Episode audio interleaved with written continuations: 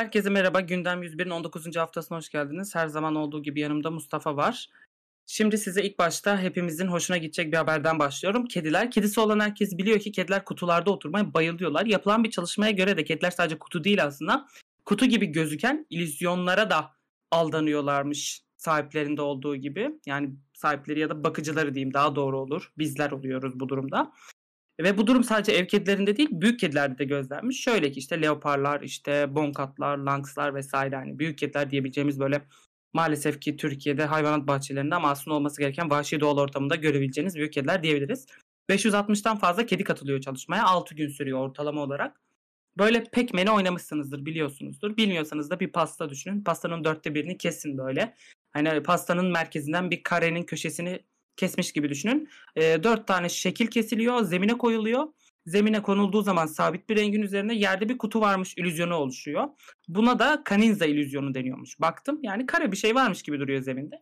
E, kediler bir de bakıcısının baktığı yöne gitmesin diye bundan etkilenmesinler diye güneş gözlüğü takmışlar. Zemin hazırlandıktan sonra kedi ortama salınıyor ve odaya girişinden 5 dakika içerisinde kediler de oturmaya başlamışlar. Gerçek ve sahte kutular kullanmışlar ayrı ayrı oda içerisinde birçok farklı renkler de denemişler.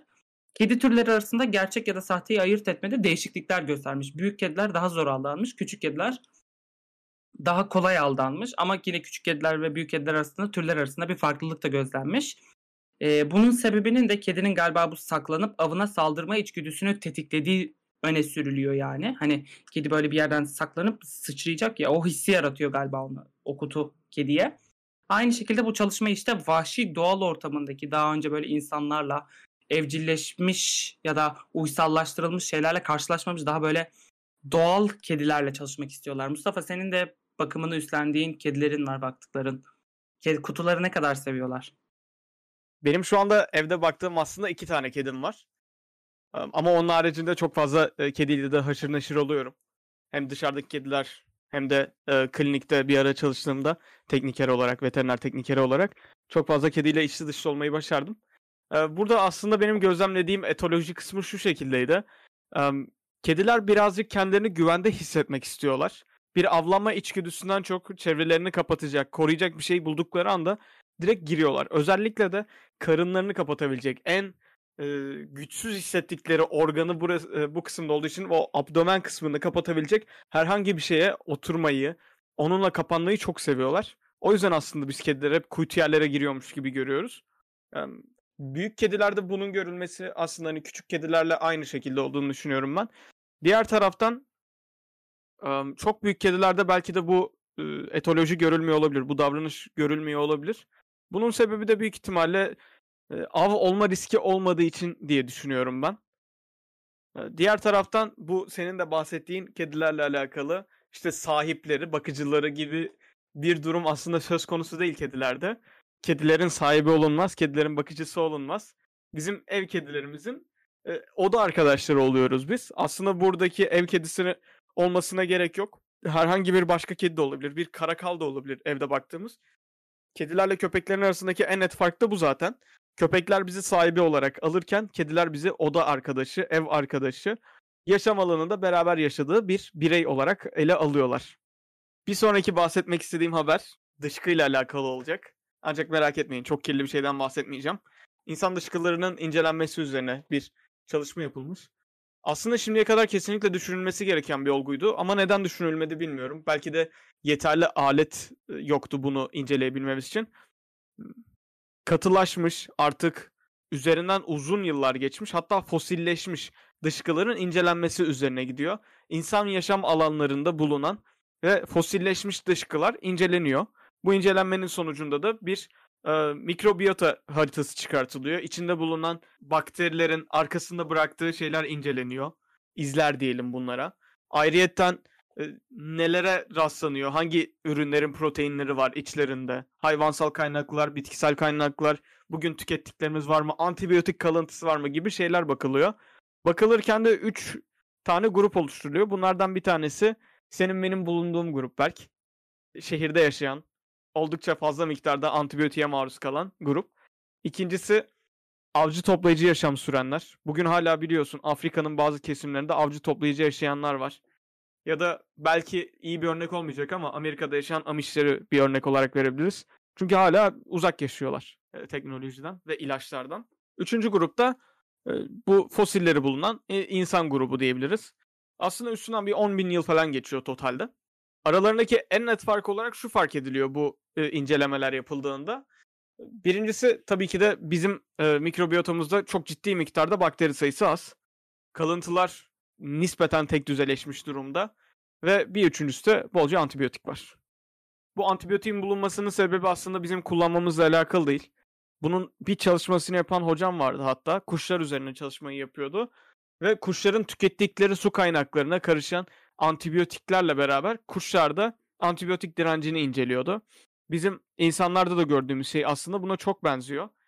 Herhangi bir antibiyotik almasak dahi tükettiğimiz işte tavuktan olabilir, elmadan olabilir, havuçtan olabilir, patatesten olabilir ya da daha önemlisi tükettiğimiz sulardan bizim vücudumuza antibiyotik geçiyor. Bu antibiyotiğin geçmesi sonucunda da e, mikrobiyotamıza ciddi zarar verilmiş oluyor. Diğer taraftan bugün yaşayan insanlarda e, ikinci gruba baktığımız zaman avcı toplayıcılarda nispi olarak bu 10 bin yıl önce yaşayan insanların bağırsaklarıyla o içeride yaşayan bakterilerle benzerlik görüldüğü fark ediliyor. Bizden daha çok onlara benziyorlar hatta. Hatta ve hatta makalede şundan geçiyordu. Yani 10 bin yıl önceki bir insanla karşılaştırırken biz bir farkını bulamıyoruz. Büyük ihtimalle yaşadıkları alanda su kaynaklarının henüz tam olarak kirlenmemesinden ötürü bunda biyolojik anlamda söylüyorum tabi. Herhangi bir antibiyotik kaynağıyla kirlenmemesinden ötürü ve beslenmelerinin hala eski tipe benzediğinden ötürü olduğunu düşünüyorum ben bu e, benzerliğin. Çünkü e, eski insanların kalıntılarına baktıkları zaman çekirge kalıntıları, e, oldukça çeşitli çimen kalıntıları yani bizim çimen, çimen dediğimiz ot kalıntıları bulunuyor. E, yabani tahıllar bulunuyor içlerinde. E, bunların getirisi olarak da tabii bunları sindirecek çeşitli miktarda bakteri bulunuyor. E, ileride bu çalışmanın daha da artması e, ve bizim aslında kendimize mikrobiyotamıza ne kadar zarar verdiğimizin birazcık daha kanıtlanması beklenecektir. Ancak en sonunda şöyle bir sorun ortaya çıkıyor çalışmayla alakalı. Etik olaylar devreye girmeye başlıyor. Nasıl yani diyebilirsiniz? İlk başta bu dışkıları toplamaya başladıklarında herhangi bir etik olmadığını belirtiyorlardı bu durumla alakalı. Daha sonrasında çalışmanın ilerleyen aşamalarında bir etik grubu çıkmaya başlıyor ortaya ve ya siz bizim atalarımızın dışkısını alıyorsunuz ya da işte yok e, şu an biz yaşıyoruz biz dışkımızı niye verelim size diyen bir grup ortaya çıkmaya başlıyor. Umarım bu salaklıklar ortadan kalkar ve hani alt üstü dışkı bu. Herhangi bir e, yasa çerçevesinde korunan bir şey değil. Çöp hani diğer taraftan bizim bakış açımızda. Umarım bunun e, üstesinden gelinir de bu kadar zarar verdiğimiz mikrobiyotomuza bir iyilik yapma çerçevesinde bilimsel çalışmalara devam edebiliriz. Ben de şimdi 2-3 haftada bir sunduğumuz haberlerin olmazsa olmazı bulunan yeni bir dinozor kalıntısından bahsedeceğim. Çünkü böyle sizi sıkmayı seviyorum bu konuda. Ama üzülmeyin sadece böyle heyecan verici bahsediyorum aslında bundan. Her hafta da bahsedebilirdim. Öyle düşünün. Şöyle ki 72 ya da 73 milyon yıl önce büyük bir herbivor düşünün. Yani tatlış bir şey. Bir dinozor bu. Ölüyor. Tık diye bedeni sedimentlerle dolu olan bir su birikintisine düşüyor. E tabi sedimentlerle dolu olunca bu olayın sonucunda bedeni çok iyi korunuyor bugünümüze kadar. Türünün adı da Thlatoplopus galorum. Kazı çalışmasında bulunan bu türün örneği aslında çoğu boşlukları tamamlıyor bu tür için. Kemiklerinin %80'ini zaten tamamlamışlar. İşte baktıklarında böyle kulakları varmış ve düşük frekanstaki sesleri duyabiliyormuş. Buna ne demek oluyor? Bize benzer bir şey oluyor.